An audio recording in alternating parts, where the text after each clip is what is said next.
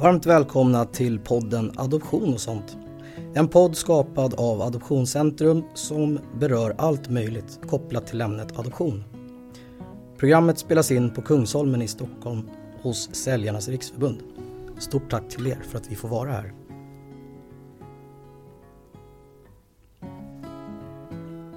Det finns många faktorer som spelar in när det kommer till psykisk ohälsa. Dels kan det vara tufft att bara vara adopterad. Men andra faktorer kan också spela roll. Såsom umgänge, familjesituation och kanske inte alltid möjligheten att få vara den man är. En av dem som upplevt psykisk ohälsa är 30-åriga Sebastian Sund från Uppsala. Sebastian adopterades från Vietnam hösten 1992 och nu har jag fått möjlighet att samtala med honom. Välkommen hit Sebastian. Tackar, tackar, tackar, tackar. Kul att vara här. Kul att ha dig här. Det är liksom spännande att få här. Det är en helt ny upplevelse för mig. Men... Ja, och du kommer ju vara först ut.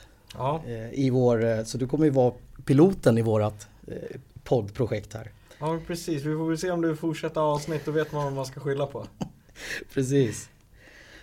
Berätta lite, vem, vem, är, vem är Sebastian Sund? Berätta lite om dig själv. Oj, har vi så mycket tid egentligen? Men, nej, men jag är som du sa 30 år.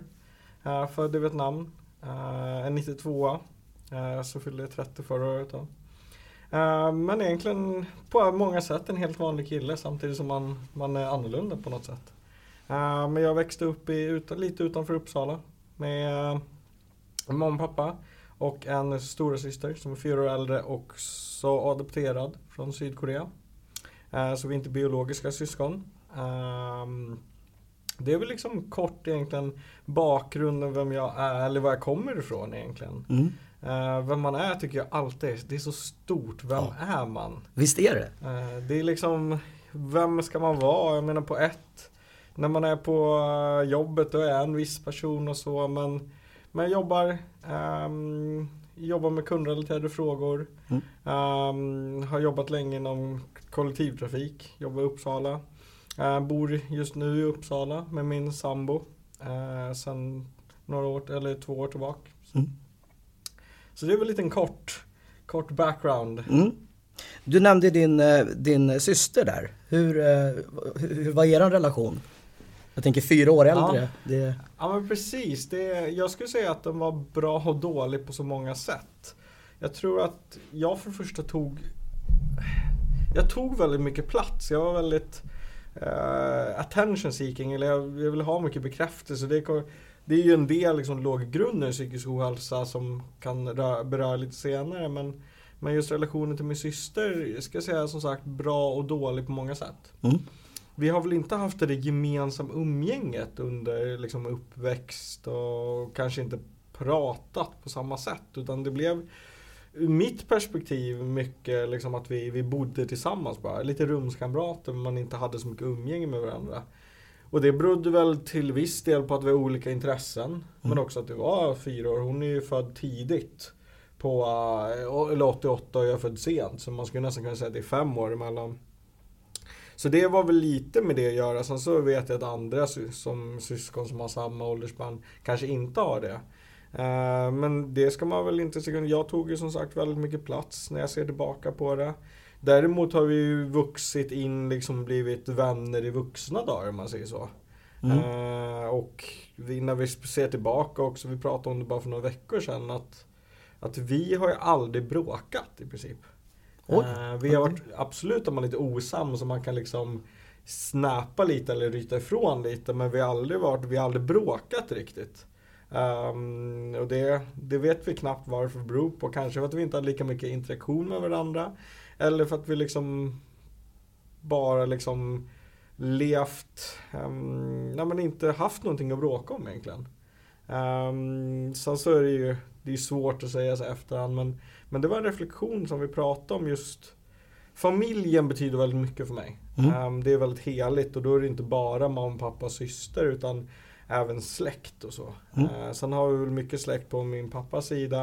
Eh, där vi är väldigt tajta och för mig är, släkt en naturlig del och en, en viktig del.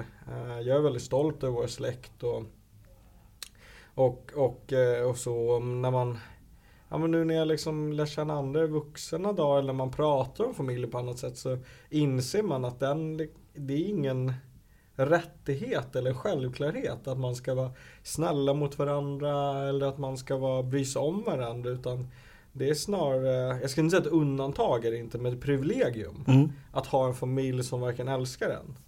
Um, och den tycker jag är svårt att på något sätt se för att och det är väl det liksom som, som jag när jag ser tillbaka på, nu kanske vi hoppar tre steg fram men Ja det gör inget. Uh, men just det att jag någonstans på ett logiskt sätt kan verkligen förstå att mina föräldrar älskar mig, min syster och vi är väldigt tajta. Jag har aldrig känt att jag inte kan berätta någonting. Um, för att det alltid varit en öppna, jag menar de fick reda på tidigt första gången jag drack alkohol eller liksom mycket sådana saker. Um, men just det någonstans har jag reflekterat att vi kanske inte heller pratar så mycket känslor i mm. familjen. Uh, och det är väl jag liksom när jag har pratat med psykolog och jag har ju gått otroligt mycket hos psykolog på senare dagar. Um, där vi liksom rotat lite i det att, att det kanske är en generationsgrej.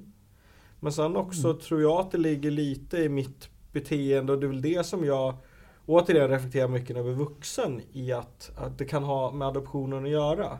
Sen hatar jag att man liksom, det är det här det beror på, det är den här enda faktorn. Alla adopterade barn känner så här. Ah, lite mer komplext än så är det. Definitivt. Så, jag är absolut ingen forskare men som jag liksom förstått det mycket så är det vanligt att för adopterade oavsett ålder att känna någon slags att man behöver ja, men förenklat sett bevisa sitt värde. Ja, det finns ju en del som, som hävdar att de, att de upplevt det. Men när du säger, jag tyckte det var intressant när du sa generationsgrej. Mm.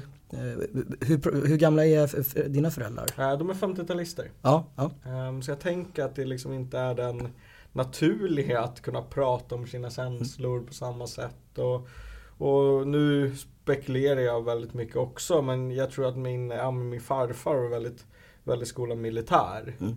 Uh, så det tror jag också kan spä på lite den att Ja men den machobilden också lite som le lever mm. kvar och som börjar luckras upp mer och mer men som fortfarande finns kvar. Mm. Så många generationer senare. Så jag tror att det är väl en mix av det där och Och jag tror att om det blir nog, för det första som förälder brukar jag säga, jag är inte själv förälder, men jag genom min, mina engagemang i fotbollen interagerat mycket med föräldrar brukar säga att som förälder kan du bara göra fel. Mm. Det, det, går inte att göra rätt i princip, utan du gör alltid någonting fel.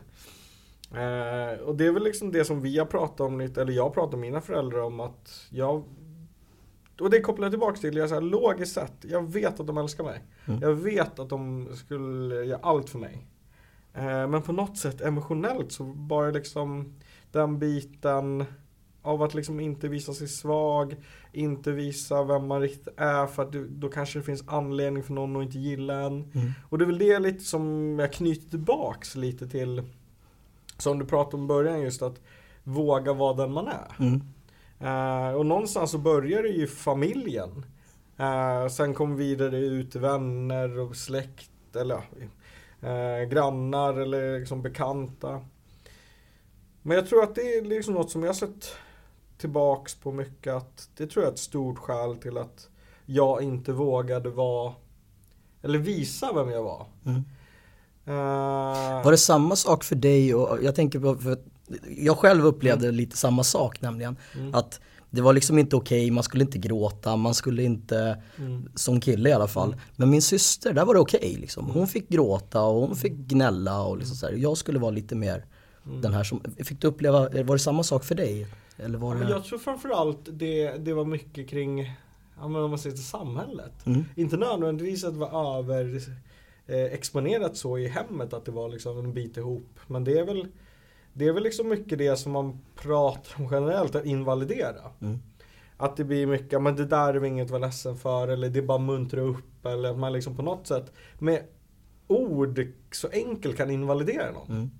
Jag pratade för många år sedan i, i en tidningsartikel om att ord är inte bara ord. Sen så är jag också slarvig ibland med att använda ord lite slentriant, att man tycker det är bara ett ord. Men det blir mycket att man kan invalidera, men precis som någon är ledsen. Man bara, shape up eller muntra upp det bara. Eller det är ingen, ingen fara. Eh, men egentligen så kanske det är en stor grej. Mm.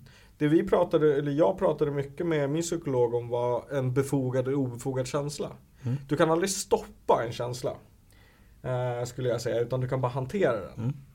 Mm. Uh, skulle du säga till mig nu att, uh, ja men, jag vet inte, du får inte göra det här eller något, något väldigt litet och jag blir jätteledsen.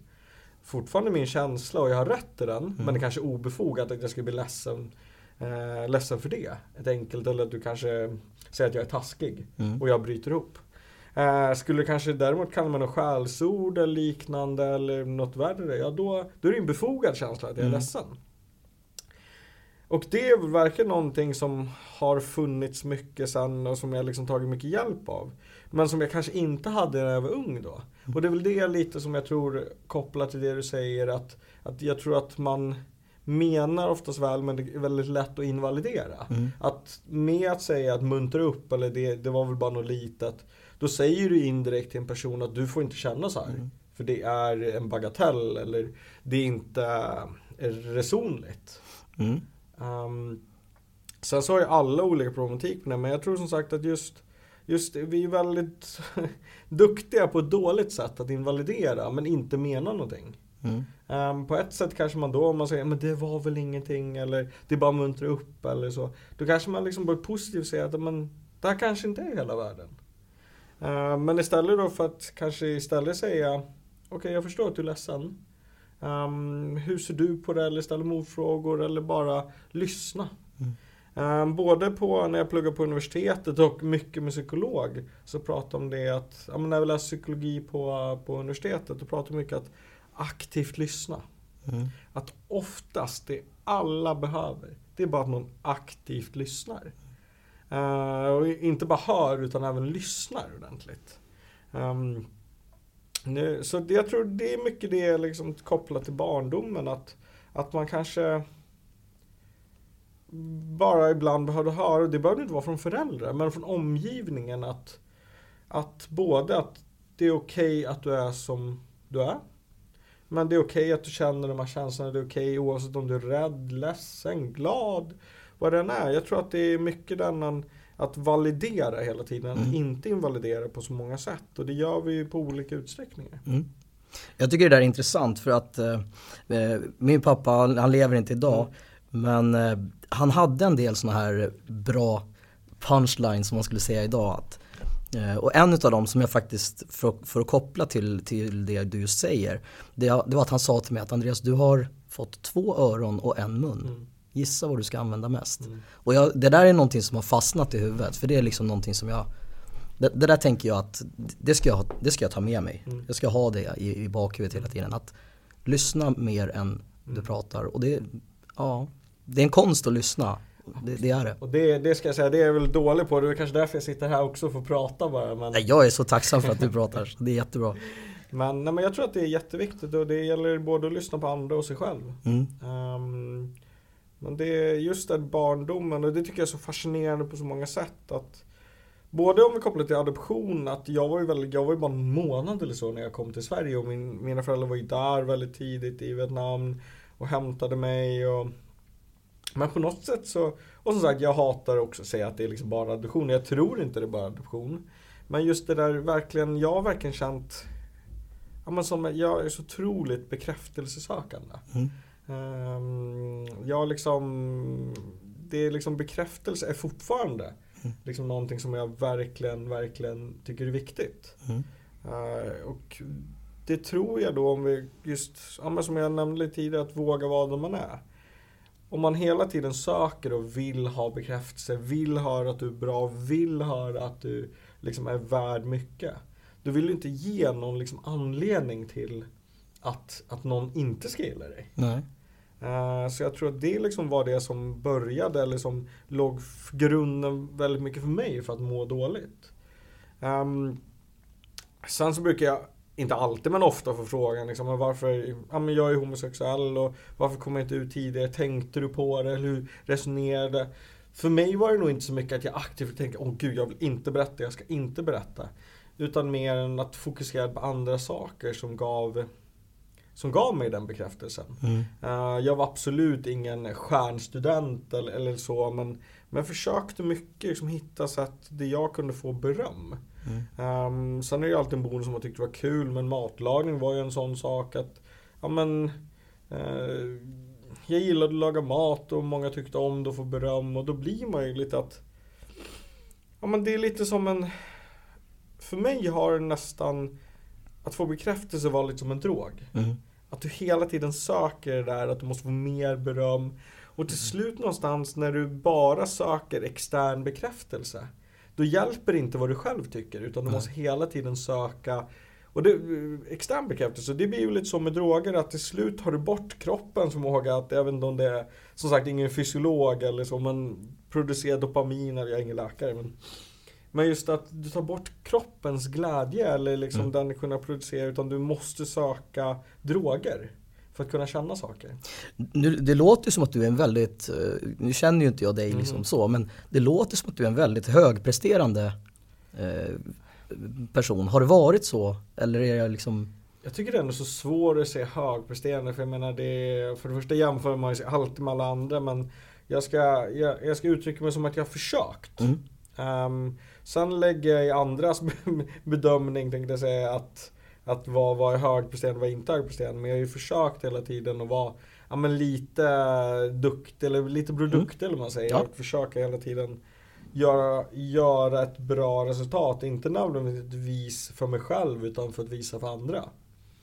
Uh, och det har ju varit en lång resa och det vet jag pratar mycket med psykolog om att det som jag tyckte var svårt om vi bara tar stannar vid bekräftelsebehovet. Mm. Att det också fått mig att driva mig så otroligt mycket.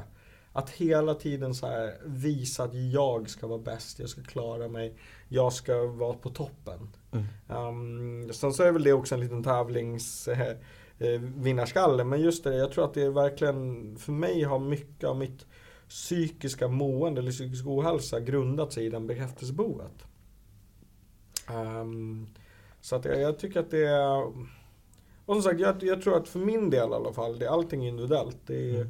Uh, men för mig tror jag att jag kopplar viss del till, till reduktionen. Mm. Um, och när du säger det, för du, du var inne på det att, uh, att du är öppet homosexuell mm. och att, att liksom känslan där tänker jag att dels vara adopterad, det, det tyckte jag var svårt. Nu växte jag upp på, på 90-talet, 2000-talet.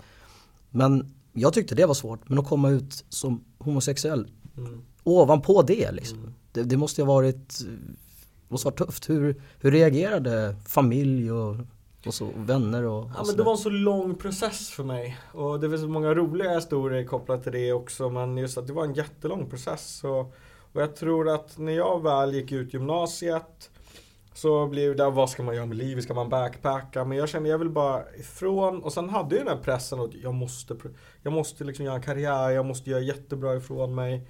Ja men jag vill flytta ifrån, jag vill inte plugga i Stockholm, eller Handels i Stockholm för det är för nära. Ja men Göteborg, de hade en handelshögskola och en, eh, ett intressant program som inte fanns någon annanstans i Sverige. Så, ja, men jag, jag körde, ekonomi det är det man ska plugga. Mm. Uh, det är enkelt, det är liksom, sen kan du tjäna mycket pengar. Så jag åkte ner dit och innan dess hade det verkligen varit så att jag liksom inte ens levt ut det fel att säga, men jag liksom inte ens liksom Ja men jag hade aldrig varit med en kille eller jag hade liksom aldrig ens varit nära dem, den världen. Men när jag flyttade och var 18 och var myndig och och då var det verkligen den att kunna leva lite friare för där kände ingen mig. Mm. Det var liksom, jag var en helt ny person. Det var ett helt nytt blad. Uh, jag verkligen kom in där som tabula rasa och liksom bara, eller ja, sak samma. Um, och bara var helt blankt, blank kalas. Skön känsla.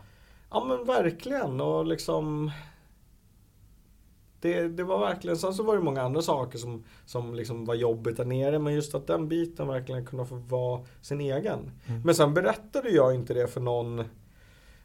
Jag kommer inte ens ihåg när jag berättade. Jag vet att olika bitar liksom har varit och eh, ja, men jag mådde inte så bra i Göteborg av olika anledningar. Jag liksom kände mig ensam och så. Men och flyttade tillbaka sen till Uppsala. Men jag kommer ihåg att det var nog i Uppsala när jag började plugga på universitetet här eller i Uppsala. Som jag liksom kom ut och då började det lite på fyllan. För då hade jag liksom en idé, kanske inte en uttalad idé. Mm. Men en idé liksom att säga, ja men okej, jag är full. Hånglar jag med någon kille eller, eller liksom säger jag till någon, ja men då kan jag ju bara säga, jag var full. Mm. Jag har ingen aning vad du pratar om, jag blackout. Um, och det i sig spinner ju på en otroligt dålig liksom, uh, liksom kedjereaktion där jag också ja, men inte vågade berätta vem vi var. Men samtidigt ville jag berätta, men jag var, kände då att jag var tvungen att vara full. Så det vart istället den, den biten att jag, för det första jag tål inte alkohol, det kan alla mina vänner intyga. Men det blev också den att sökande efter att dricka hela tiden, det var någon slags att fly sig själv. Mm. Och det är väl då något som Universitetet i, inte varit Lund men Uppsala, det finns så många tillfällen att dricka alkohol. Mm. Eh, jag ska absolut inte säga att det var så stort problem att bli inskriven eller så för de bitarna men, men just att det blev verkligen där att ja, men, när jag väl var ute så ville jag dricka så mycket alkohol som möjligt. För att jag ville fly från där jag var. Mm. Och det ju liksom det att, att om du inte får vara dig själv när du är nykter då blir verkligen alkoholen en flykt. Mm. Sen ska jag säga att jag inte varit så att jag liksom druckit alkohol på, på lektioner liksom i, i sådana samhällen eller kört rattfull eller, eller så. Men just när det fanns tillfällen att festa. Mm. Eh, då, då verkligen så här, ja men då får jag dricka alkohol. För att fly den jag är. Också fly mina egna tankar. Mm. Att liksom bara gå in i någon slags dimma, att slippa tänka. Bara få, bara få vara. Mm. Ehm, men där började i alla fall det att eh, återkoppla till att komma ut. Att jag berättade någon, det var en, vi pluggade tillsammans och hon hade någon hemlighet och jag bara, jag är så otroligt nyfiken. Så jag bara, vad är det för hemlighet? Vad är det för hemlighet? Hon bara, jag kan inte berätta, jag kan inte berätta. Och jag bara, okej, jag, har, jag har livets största hemlighet. Om jag berättar den, så berättar du din. Hon bara, nej, ja men okej. Och jag bara, okej, jag, är, jag är gay. Hon bara, ah, så här reagerade så här, bra, vi var båda fulla. Men hon, jag bara, vad är din hemlighet? Hon bara, ah men jag är kär i den där killen. Och jag bara, gav jag upp min hemlighet? Som ingen annan i världen vet. För att du är kär i en kille. Ehm, men det var väl där någonstans det började och en annan Annan rolig liksom, vi var ute och festade på en kryssning. Mm. Det var vår studentförening och åkte alltid på en Finlandsfärjakryssning. Uh, och där var det också, jag varit så full någon gång så jag liksom, vi däckade i ett bollhav men det var några kompisar som sen bar mig till en hytt. Och eh, där liksom så vet jag att jag däckade och liksom bara så här. Jag har någon så här sjuk grej att jag måste lyssna på musik när jag ska sova. Mm. Eller podd. Så jag hade sagt det till mina två vänner då. ehm, att så här, "Ah, jag måste ha full som en kastrull. Eller vad man säger. Men eh, sa till mina vänner, ah, jag måste ha podd när jag ska sova. Och pratade, ah, måste ha podd, måste ha podd. Och sen bara så här innan de, när de lag, ah, alltså, jag tror jag är bisexuell, eller jag är bisexuell eller något sånt där. Eh, och det var väl någon slags också så här första steget, ah, men jag är inte gay. Jag är bisexuell, det är ändå Mhm. inte helt åt ena hållet. Men där någonstans började det verkligen rulla på att jag liksom mer ja, men berättade för folk på fyllan. Um, sen var det ju många, eller en del kompisar som så här, ringde efteråt bara du, du berättade det här på fyllan. Bara, är det sant eller hur känner du? Och, och vi var en väldigt, väldigt tight, tight grupp på universitetet på 14 personer. Till viss del är tajta fortfarande på olika konstellationer. Men vi var jättetajta och då kommer jag ihåg vi hade på den tiden var hett med Facebookgrupper. Mm. Hade vi en Facebookgrupp och, och då var en kompis som sa men du kom ut för oss, det är väl en bra liksom, alla älskar det, liksom vi är ett väldigt säkert gäng. Och jag bollade fram och tillbaka och bara till slut bara, nej men vi postar en, en meme. Och så var det om Barney Stinson typ så här att you can still be gay and awesome eller något sånt där. Men det var verkligen det första steget ner i nykter anda. Mm. Eh, sa att jag var gay. Eh, sen så blir det ju lättare och lättare. Det är väl liksom saker man övar, att det blir Mm. lättare och lättare. Sen så är det ju alltid en grej. Jag, jag måste jag har också en kompis som jag, jag verkligen så här, och det kan låta så fånigt. Jag har tänkt också mycket på det här just att komma ut.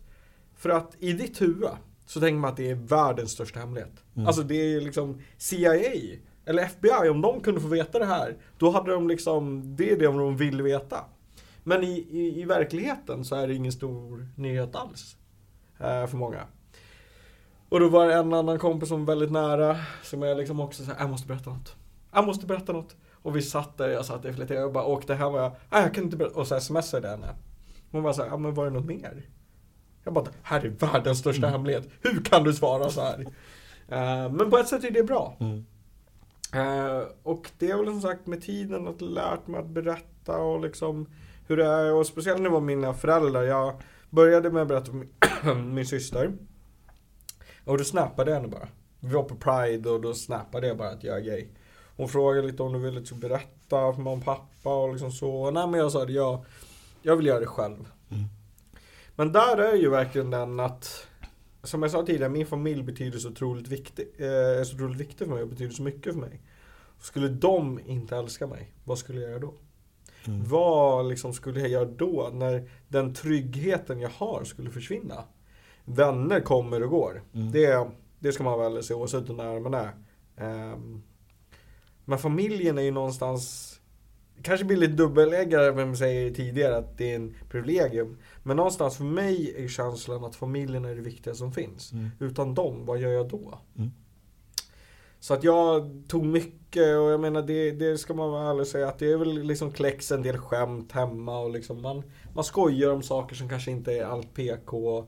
Man menar ju inget illa och jag har liksom ingenstans tro att mamma och pappa var homofober eller så. Men jag vet att jag tänkte när jag flyttade ner till Göteborg i alla fall att för då, då stöttade de mig att kunna köpa en lägenhet. Mm. Och jag var så jag kan inte berätta. De kommer sälja lägenheten. De kommer inte vilja låta mig bo kvar.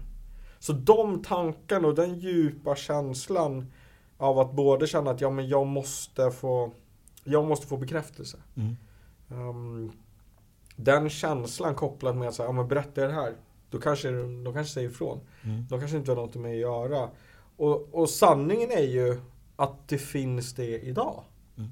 Det finns familjer som avsäger sig liksom sina söner, döttrar, oavsett vad man identifierar sig som. För att man gillar en viss typ av människa. Mm. Eller man gillar, liksom, man har en viss sexuell läggning. Så att det är inte heller en obefogad känsla. Eh, sen så är det väl en obefogad utifrån att jag logiskt sett aldrig skulle kunna se det hända. Men man vet aldrig. Mm. Och det är väl samma sak oavsett vad det är, men du vet aldrig hur det du säger tar, eh, tas, tas emot. Uh, oavsett din intention så vet du aldrig hur mottagaren uppfattar det, mm. den tolkning den personen gör, dens erfarenhet. Mm. Um, jag menar det är liksom, kommer man från en bakgrund där man hör att någonting är fel och uppvuxen med det, blir intalad att någonting är fel, då är det det det blir. Mm. Och jag tänker också för, kopplat till eh, det här med att det är en generationsgrej som vi var inne på. Mm. mina, mina föräldrar var ju 40-talister eh, och jag ska säga åtminstone min pappa, jag inget illa så för att eh, han var en fantastisk människa. Mm. Men det fanns vissa fragment där hos honom och det var inte för att han tyckte illa om, om folk eller någonting sånt. Det gjorde han inte. Men däremot så hade han ju en föreställning om att det här, så här ska det inte vara. Det här är ju fel. Eh, och vi hade många diskussioner om det där. Mm. Eh, och han sa det att jo, men det du måste förstå det är att när jag växte upp mm då var det här, det var brottsligt. Det var ju liksom, det var ju en sjukdom. Ja, absolut. Det var väl... Så det var, han var ju intalad liksom och indoktrinerad att det här är, det här är så fel, så här får man inte göra. Mm. Men han, han bättrade sig med åren och vi kunde liksom prata ganska mycket om. Nu, även om inte jag är homosexuell så kunde jag ändå diskutera sådana saker med honom. För jag fick också lära mig mm. att eh, det här är fel, så här får man inte göra. Och jag kommer ihåg att vi hade några sådana här diskussioner i, framförallt i högstadiet. Mm. Då skulle man ju vara lite ball och, och sådär också. Eh, och jag tror att jag var, det var väl jag och någon till i klassen som liksom såhär, nej vi gillar inte, vi gillar inte bögar, nej. Mm. Mm. Och jag hatar mig själv för att jag liksom har ut, uttryckt mig på det sättet. Jag skäms så otroligt mycket för det. Mm. Men samtidigt så var jag ju liksom ett barn, jag visste ju inte nej. bättre. Eh, men sen så när jag började gymnasiet, då, då fick jag en lärare som var, som var homosexuell. Och det var en av de absolut roligaste och skönaste människor jag liksom har lärt, fått äran att lära känna. Mm. Och efter det så vart min inställning en, en helt annan. Mm. Eh, och det var där någonstans jag och pappa började prata för han var lite såhär, men du kan, du kan inte ha en lärare. Mm. Det, det går inte, då får du byta klass Andreas. Det, det går inte. Nej men han är svinbra, han är jätterolig. Mm. Och sen så fortsatte det här liksom. Mm. Och våra diskussioner, jag, jag, tror att vi, ja, innan, innan pappa blev sjuk så tror jag att vi hamnade i alla fall i något läge där, mm. där vi hittar någon form av förståelse och han faktiskt accepterade att ja, det här är faktiskt inte fel. Så jag tycker det är intressant och jag tänker just att det kanske är en generationsgrej att Ja, jag tror till viss del, som du säger, det är liksom inte så konstigt att det är liksom klassat som en sjukdom. Mm. Det var i Sverige man liksom ringde och sjukanmälde sig. Ja. men jag är homosexuell idag. Ja. Var lite dåligt. Mm. Jag vill stanna hemma. Um, så att det, det, är inte så konstigt egentligen och jag ska inte Jag brukar säga att det är ingen, man, man kan inte ursäkta det Men det ger en förklaring. Mm. Uh, sen med åren har väl jag blivit, och där är man väl lite olika vad, vad är okej okay och inte. Men för mig har det varit, det som jag har tänkt mycket på kopplat till det här just är att, jag brukar försöka tänka, vad är intentionen? Mm. Är det att man kanske inte vet att man inte ska säga så eller är det att man inte bryr sig? För mig är det två olika saker och väldigt viktigt att ja, men man kanske säger fel, mamma och pappa kanske har uttryckt sig på fel sätt eller så. Men det, det kanske är mer en okunskap mm. än, än att man vill göra någon illa. Absolut. Um, så att nej, men det, det var verkligen en stor, stor grej där för mig att, att komma ut och, och till viss del fortfarande är det. Mm. Um, och det är ju på något sätt, jag tror att ja, men, det är, jag tror att det också blir präglat verkligen hur världen ser ut.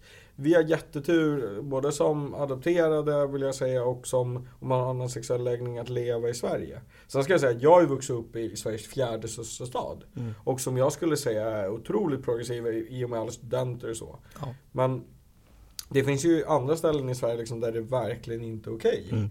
Fortfarande, så det, det, ska man ta i beakt. Men jag tror generellt att Sverige är ett väldigt bra land att leva i ändå. Ja.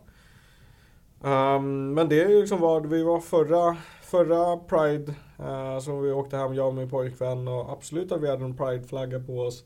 Men då liksom var det ett par gäng killar som liksom trakasserade och skrek och, och liksom gjorde gester och liksom Ja men det var på den nivån att jag liksom, vi, vi ringde en kompis och bara, vad gör vi? Um, kan du prata med oss? Vi vet inte om vi kommer bli ihjälslagna eller vad som kommer hända. Uh, och det var, för det första var jag otroligt, det var länge sedan jag var så rädd. Um, och jag har alltid sagt, äh, jag kaxig, det är bara... Mm. Jag, jag ska absolut inte säga att jag är krallig, men jag är inte heller tunn. Så att jag, jag tänker alltid, äh, det är bara slå på, eller det är bara försvara.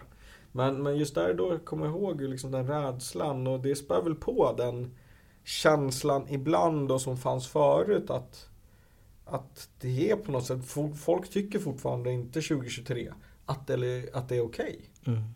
Uh, så på så sätt, återigen kopplat till det befogade och obefogade känsla blir någon slags befogad känsla. Att känna att du vill inte ge någon något skäl till att inte gilla dig. Och, och jag...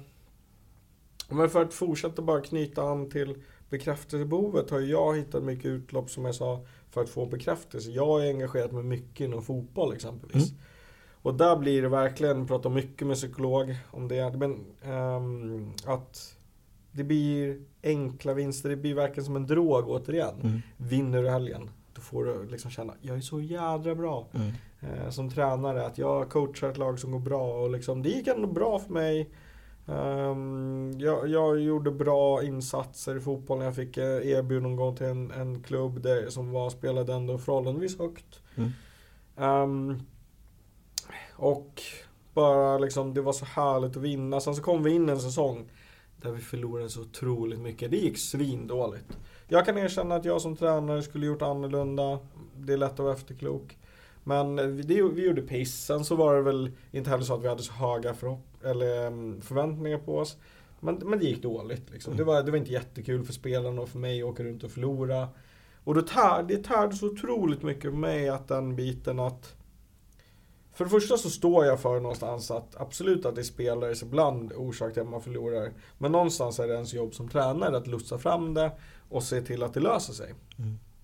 Och då bära det oket på sina axlar. Uh, samtidigt som du också vill, ja men vinner vi då kommer jag må så jävligt bra. Mm. Men förlorar vi då kommer jag liksom vilja dö. Kom det ner till.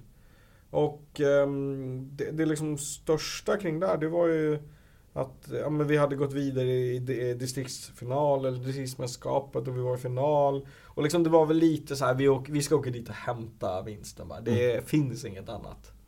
Hade till och med liksom köpt hattar och liksom skumpa allting. Uh, vi gör en bra match, vänder upp och sen så bara torskar vi på straffar.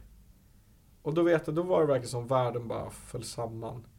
Uh, spelarna var ju helt förstörda. Jag var helt förstörd. Jag visste inte vad jag skulle ta mig till. Um, så du vet, då åkte jag hem uh, och ringde en kompis och liksom bara så här, jag förlorade. Och då hade jag väl hintat lite, det, det hade kommit en bit i mitt psykiskt mående att jag mådde inte bra. Mm. Um, jag har väl alltid ändå haft den och det är väl jag tror att, nu ska jag inte säga vad andra tycker och tänker, men jag tror att frågar man många som har umgåtts med mig under längre tid så var det nog ändå få som visste att jag mådde så dåligt. Mm. För jag hade alltid den fasaden att jag, jag måste bete mig på ett visst sätt för att folk ska gilla mig. Mm. Gillar inte folk mig, då har jag inget värde. Um, men då vet jag att då åkte jag hem och liksom, jag bara nej, det, jag vill inte leva mer. Um, så då var det verkligen, då åkte jag hem, jag tog massa tabletter, jag har haft lite problem med rygg och så som ändå starka smärtstillande. Och bara såhär, nej nu får det vara. Nu ska jag ta livet av mig. Uh, och jag tror att hon förstod lite det. Jag klickade henne alla gånger hon ringde och liksom det, det, blev ju på den nivån, jag ska inte gå in för mycket på det men, men på den nivån liksom ambulansen fick komma och jag blev inskriven på sjukhus och så. Och sen fick, eh, fick stanna liksom inom sluten psykiatri, eller sluten sjukvård. Um, men, men där var det verkligen, det liksom kom till, uh, det kom till liksom den nivån. Att, att det liksom var så att jag kände inte att jag hade något värde kvar. Uh, att jag liksom, varför ska jag leva? Jag är bara en börda för alla andra. Jag bidrar inte med någonting. Uh, och där vart ju som sagt fotbollen väldigt snabbt kopplat med det där. Um, så det, det där var det verkligen, ja men där tog det, det var väl början när det var verkligen seriöst. Och mm. liksom, det, det ska jag som en disclaimer också bara så här. Alltid när man ser ett så här självmord och liknande, eller suicid när folk slutar liv och tar massa piller och sen är det klart. Så är det absolut inte verkligheten och det, det här säger jag mer avskrämmande syfte. Men liksom när man tar paracetamol eller så, så um, eller ja, så blir det liksom så att först känns det som att huset ska sprängas. Alltså det är liksom, gå på den och du tror att du ska... Det är inte alls så att det är liksom bara hopp happ sen slocknar det. Utan det är liksom den, den processen som kroppen går igenom. att det, det är så svårt att beskriva den huvudvärken. Eller man tror att huset ska sprängas. Man spyr. Det är liksom så här. Mm. Försök inte ta liv av dig. Det är inte som det ser ut i filmer. Det är piss. Um, men där och då så tänker man inte riktigt så utan Det var din enda, enda utväg som du såg? Ja men lite så att det, jag tror också att jag mått dåligt, jag hade mått dåligt ett tag ändå, liksom verkligen känt att jag mår dåligt. Och jag brukar alltid beskriva det i två olika eh, sätt att Det är som att du, du simmar, du är liksom skeppsbruten. Du har hamnat i vattnet, du simmar, du blir tröttare och tröttare för varje simtag. Du vet logiskt att bortom horisonten så kanske det finns land. Det kanske finns en livboj där, det kanske finns en livboj där. Det kanske kommer någon och räddar dig. Det vet du logiskt. Mm. Känslomässigt. Att bara simma och sen se, nej det är bara vatten. Simma, nej det är bara vatten. Och det var väl så lite det kändes för mig att jag simmade, jag simmade, jag försökte simma, jag försökte testa att kråla, jag försökte bröstsim, jag, hundsim. Allt möjligt kändes det som, som metafor, eller som analog, eh, analogi. Men någonstans så såg jag aldrig land. Jag såg aldrig land. Och då blir det där till slut att jag kände mig så trött. Jag kände mig så trött på en fasad. Jag kände mig så trött på att behöva få andras bekräftelse. Jag kände mig så trött på att inte veta om någon gillar mig eller inte. Eh, att jag bara kände nej, jag, jag vill sjunka. Och det var väl då den liksom ribban, eller man säger, kom till att ja, men jag, jag ska ta livet av mig. Um, och det andra som jag också sa till min liksom, psykolog är att tänk dig att du springer i, i en labyrint. Uh, du springer i en labyrint. Du springer där du liksom, man får lite panik, man kanske är jagad av något eller man, man, man liksom vill inte vara kvar. Och sen ser du en exitdörr. Du vet att den liksom, det kanske inte är den bästa men då får du komma bort från mm. labyrinten. Så de två brukar jag alltid ta liksom som ett exempel. Jag, jag och min psykolog jobbade mycket med, jag tycker det är lättare liksom att förklara med exempel eller, Mm. eller liksom tydligen visualisera saker. Och där var det verkligen så att just att det var verkligen så jag lyckas med åren förklara hur jag mådde. Och, och det ska man vara ärlig, det kommer vara stunder ibland jag fortfarande hamnar i vattnet, eller man säger, mår dåligt. Men nu någonstans så vet jag att inte lita på den känslan över att, att eh, det, det inte finns land. Mm. Utan känslan på att det kommer finnas land. Sen sa jag, det ska man väl säga, jag har jättefint supportsystem runt omkring mig. Och psykisk ohälsa, det är ingen, jag hade aldrig löst det själv. Nej. Jag har fått hjälp från sjukvården, det är många som inte får. Men jag sökte, jag fick, sökte hjälp. Eh, Det hemska var dock från början att jag blev utskriven från psykakuten. Det var mina vänner som tvingade mig att åka tillbaka. Jag ville inte, jag skrek att jag inte vill. Men det var mina vänner som tvingade mig att åka tillbaka. Det var mina vänner som tvingade sjukvården att ni måste ta in honom. Han har ju försökt ta liv av sig, hur kan ni skicka hem honom? Tack vare det så fick jag den hjälpen jag behövde. Jag tror aldrig, eller du kommer aldrig ehm, Man är aldrig frisk från psykisk ohälsa. Ehm, du kommer aldrig bli på något sätt frisk och, och det man ska alltid ta med sig, livet är pissigt många gånger. Det gäller bara att kunna hantera det. Kan du inte själv hantera det, då förhoppningsvis har du ett tryggt nät runt omkring dig. Du har vänner, du har familj. Uh, förhoppningsvis har du också sjukvården bakom Mm. dig. Ehm, men det är ju... Det är en lång resa. Jag menar det är som sagt det är att, att ta liv av sig. Jag kan fortfarande känna ibland, även fast jag inte är nära på samma sätt. Så finns det absolut stunder där jag känner som jag känner, nej, nu får det vara. Nu, nu har jag det här. Och jag, men jag hade länge en liksom både, både ja, men en liten escape plan. Jag hade liksom alla lösenord nedskrivna. Jag hade liksom brev till dem liksom så här skulle jag lämna efter mig i världen. Um, men eh, nu, nu har det blivit mycket bättre. Jag har liksom tagit bort allt det. Jag hade jättelänge liksom olika, jag hade liksom en rep hemma ifall jag ville hänga mig själv. Och de bitarna. Och, och det blir någonstans där att det, det blir också ett beteende att man liksom man lär sig att det finns det som utväg. Mm. Ehm, Har, du, har du lärt dig att liksom, jag tänker på att när de här känslorna kommer, har du liksom lyckats komma fram till hur, hur du hanterar känslorna nu när, när du börjar känna så här liksom att du, hur ska jag säga, att, att kunna hantera känslorna innan de tar över för mycket. Um, nu blir återbilden, men just att det, det handlar mycket som vi pratade om på min terapi och med psykolog. Att förenklat sett så är det ju att liksom, du, du är ett kokkärl, säg att du är en kastrull. Kastar i massa saker i liksom kokande vatten. Kastar du för mycket då kommer vattnet koka över. Mm. Så gäller det att, att liksom se till att, att ta bort grejer så inte vattnet kokar Mm. över. Och det är väl det som jag har lärt mig mycket med att, att försöka också selektera i Är det här befogad känsla? Mm. Är det en obefogad känsla? Eh, försöka se rationellt och om pratar om kolla fakta. Mm. Okej, nu kanske det är så att det är liksom faktat säger det här, men jag känner det här. Då måste jag kanske lita mer på faktan. Mm. Så det har liksom varit en lång process. Och jag tror jag, jag var sjukskriven i, i två år tror jag. Nu kommer jag inte riktigt ihåg, Mm. men jag var sjukskriven i jättelänge i alla fall. Och där liksom det jag liksom fick, var tvungen att jobba på, med, med, eller på mig själv. Tillsammans med psykolog. Och jag, vissa delar av den perioden så gick jag i terapi fyra dagar i veckan. Eh, fyra timmar om dagen. Mm. Eh, och, och tack vare det så, så sitter jag här idag. Eh, tack vare mina vänner sitter jag idag. Mm. Eh, och det, det är liksom jag sa, det är ingen färdig resa. Och det är liksom ingen som säger nu är jag klar. Nu kan jag börja, nu kommer jag aldrig mer må dåligt. Utan det är ju mer att, att vara medveten om det också. Mm. Um, sen så pratar man mycket om en målbild att, att det kanske inte alltid är bara att hantera känslan. Utan också gå tillbaka till ett, som psykologen sa, liv värt att leva.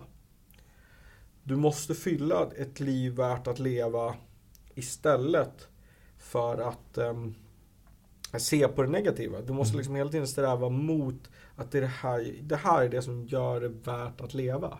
Mm. Inte bara säga att det här är så jävla ovärt. Jag menar, ser man nu, visst vi skulle kunna räkna upp hundra saker som gör livet ovärt att leva. Jag menar bara som läget är nu i världen eller Mm. små saker eller ränta, ekonomi, allt möjligt. Um, sen så också har det någonstans hjälpt mig i det att se, sätta saker i perspektiv. Att hela tiden, folk kommer alltid ha det bättre eller sämre. Mm. Men hitta någon slags trygghet i att, kanske trygghet kanske fel ord, men någon slags lugn i att okej, men någon som har det sämre klarar det, då kan jag också klara det.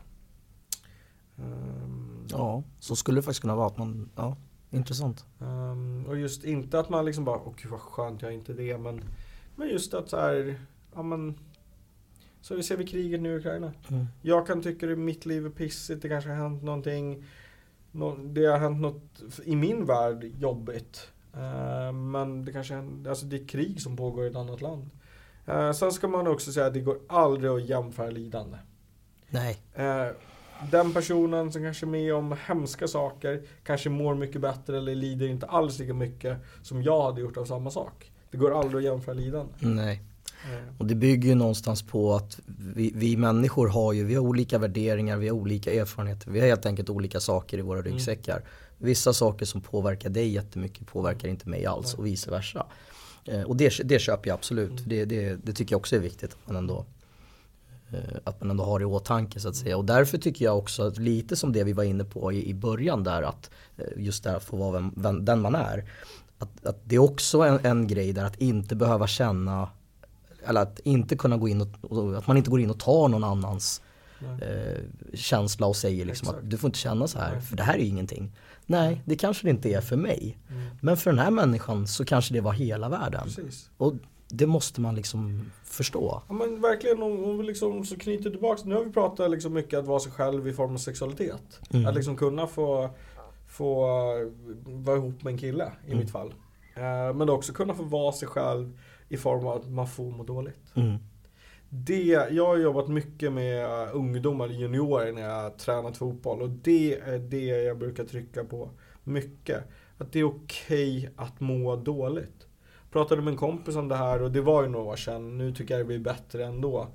Men vi sa det, det är lättare att ringa in till jobbet och säga ah, ont i magen, Mm. jag är lite ris i kistan.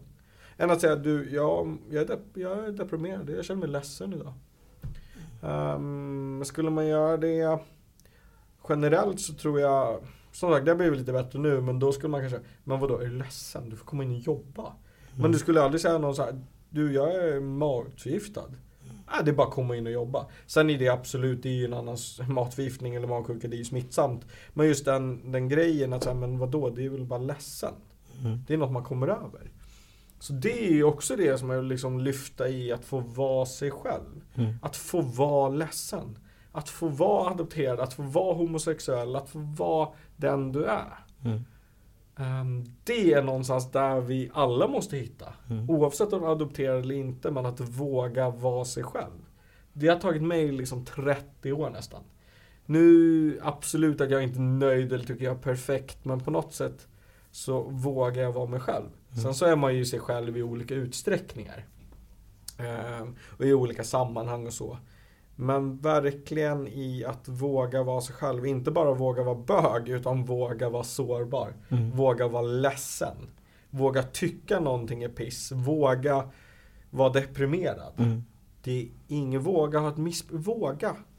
Det är liksom... Ja, för jag tycker någonstans att, eller generellt skulle jag väl säga att det har varit så i alla fall. Att Mm. det, det har varit okej för tjejer att vara ledsna, det har inte varit okej för grabbar att vara ledsna. Men jag upplever i alla fall att samhället har, vi är på väg åt rätt håll. Det börjar ändå gå åt det hållet att, att eh, ja, killar får också vara ledsna. Och jag tror att vi kommer att komma ännu längre, förhoppningsvis i alla fall. Ja, och sen så är det, sen så är det viktigt och det tycker jag är viktigt alltid att poängtera att precis vi gör ju könsroller åt det hållet. Mm. Kanske ledsen. För kvinnor eller tjejer så blir det en helt annan. Att de får liksom inte vara som de är. De får inte bete sig. Jag menar, brukar ofta säga en sån sak som när någon är lite kaxig. Mm. Eh, om, en, om en eh, kille är det, då brukar man säga kaxig liksom är positivt. Eh, men en, en kvinna, då är man lite skinn på näsan. Mm. Ehm, så- Eller bitchy. Precis. Så att det är verkligen där att eh, jag håller verkligen med om den eh, machobilden att, mm. att man inte får gråta. Men, men det är just att Ja men jag tror, jag är glad på många sätt att jag inte är kvinna. För det finns otroligt mycket diskriminering och så som kvinna. Även fast jag är en adopterad homosexuell man så tror jag i många fall att jag har det bättre och mindre diskriminerad än många kvinnor. Um, så det är väl det liksom att säga att ja absolut, jag tycker att den machobilden och det var det jag pratade om i en artikel för några år sedan. Och så macho i omklädningsrummet pratade mm. Uh, men men vi, vi som människor måste verkligen att uh, för det första blir jag alltid så här, men vad spelar det för roll om jag ligger med killar? Va, vad spelar det för roll? Jag kommer inte försöka ligga med dig. Um, eller jag kommer inte försöka liksom gifta mig med dig. Va, vad spelar det för roll? Um, men också det att så här, vi måste acceptera varandra och det är klyschigt men, men jag förstår verkligen inte hur man kan ogilla någon så mycket oavsett om det är hudfärg, eh, religion, sexuell läggning eller nationalitet, vad det än är. Um, och det är där vi någonstans, och det är väl därför också, en del att jag är med här idag, men också att jag pratar mycket om det. Mm. Att jag vill verkligen liksom säga till alla att man kan vara som man är. Alla kommer inte gilla dig. Vissa kommer hata dig. Men du, det, det är viktigt att du vågar, vågar, vågar. Att det finns folk som står bakom dig. Oavsett om din familj hatar dig. Oavsett om omvärlden, eller din närmaste omvärld hatar dig, så finns det folk där som accepterar dig för den du är. Mm. Och det är jättelätt för mig att sitta och säga när jag har ett starkt supportnät. Det är jättelätt för mig på många sätt att sitta och säga. Men eh, det är liksom det, det stora i att, ja men om vi ser på mig, att jag vågade inte vara mig själv för att jag hade det bekräftelsebehovet att hela tiden vilja bli älskad. Mm. Att hela tiden bara liksom få den att få höra att man är bra. Det är liksom det som är viktigt. Mm. Um, ja, jag, jag, håller med fullständigt. Jag känner igen det eh, så himla mycket. Att, just det här att jaga bekräftelse, mm. få höra. Eh, jag, alltså jag kan säga att jag fortfarande än idag mm. så är det liksom att ja, chef inom det militära, det är riktigt så här klapp på axeln, mm. narkoman tjänst egentligen att jag måste höra folk säga bra jobbat, jag måste se resultatet. Eh, att jobba som säljare, samma sak där. Jag får se de här siffrorna. När jag säljer bra, då är jag högst upp på listan. Det ger en, det ger en skön känsla i, i kroppen. Liksom. jag tänker att det här, det här är saker som vi, jag, jag kan inte säga att, att adopterade har, har eh, mer av de här känslorna, det, det har jag ingen aning om. Men min känsla och min upplevelse det är ju definitivt att det här har ju präglat åtminstone mitt mm. liv att hela tiden försöka vara lite bättre. Mm. Och vi ska, inte, vi ska inte gå in på det ämnet men när man pratar liksom om det här att man ska känna tacksamhet och allt sånt där. Det, det man gör egentligen är att man, man bygger upp en, en inre stress och går runt och lever med den stressen som bara byggs på. Och då kommer vi till det här som du var inne på med att kasta ner ingredienser i kastrullen. Till, till slut så, så kokar det över. Precis. Eh, så att, äh, jag förstår verkligen. Jag tycker det är otroligt modigt och starkt av det att, eh, att eh, vara så öppen och, berätta om de här grejerna. Ja, men jag hoppas verkligen att, det, att, att låter lite lökigt men kan jag förändra världen lite? Kan jag få någon person mm. att må lite bättre eller att känna att den personen vågar säga vem den är eller uttrycka som den är. Då, då känner jag mig nöjd. Mm. Um, jag ska inte säga att jag hade behövt det så, men jag tror det hade hjälpt. Mm. Um, jag tror verkligen att nu när det är fler och fler ändå kommer fram och, och jag tror verkligen att vi, vi är på rätt väg. Sen har vi lång väg kvar. Mm. Men det... Det, det kommer att funka om vi hjälps åt. Ja men precis och nu blir det väldigt klyschigt. Ja, liksom, man det, sitter här så liksom, är det ju. Med, men jag tror att det, det är klyschor och klyschor av en anledning. Mm. Och det låter lite löket så. Men verkligen, jag kan inte, det, det är verkligen mitt huvudbudskap till alla eh, som jag träffar när jag är på fotboll eller så. Att, att våga vara sig själv. Och också att det är, som jag jobbar mycket med och, och kopplat till bekräftelsebehov. Att, att man ska inte koppla sitt värde med en, en prestation. Um, eller att resultat är det enda som betyder något. Eller om jag inte vinner nu i helgen, då är jag dålig som person. den biten har jag också jobbat mycket, jag säger det hela tiden, jag jobbar Mm. mycket med psykolog. Ehm, jag har fått tillbaka mina skattepengar i värde kan jag säga. Ehm, ehm, men just att den att koppla ifrån att gör jag något dåligt eller går det dåligt för mig i den här tävlingen eller vad den är. Då är jag inte dålig som person. Nej. Det är inte Sebastian i sig som är dålig. Sen kan jag ha gjort en dålig insats. Jag kan ha gjort ett dåligt beslut, jag kan ha gjort dålig prestation. Men prestationen är, det som är frånkopplat, det är inte jag som person. Det är min prestation. Mm. Och det tror jag också är den i att, ja men den bekräftelse att, att jag söker väl fortfarande bekräftelse. Men jag försöker ju söka kanske mer bekräftelse för det jag gör. Och en trygghet i att jag är älskad av de som betyder för mycket för mig. Mm. Eh, Jag tyckte det var väldigt bra sagt. Det är, det är skattebetalarnas pengar som har, som har gjort att jag sitter där och kan vara klok. Ja, nej, väldigt bra sagt. Och, eh, det måste tyv- tyvärr måste jag ändå säga, jag skulle vilja prata ännu mer med dig, men tiden rinner ifrån oss. Eh, Men jag skulle verkligen vilja säga det, stort tack eh, Sebastian för att, du, för att du kom hit och, och delade med dig av, av ditt livsöde. Ja, tack så hemskt mycket för att du fick komma och det, det som vi pratar om, vi ska, vi ska runda av nu men just verkligen det att våga vara sig själv. Mm. Det är det jag vill avsluta allting med. Snyggt.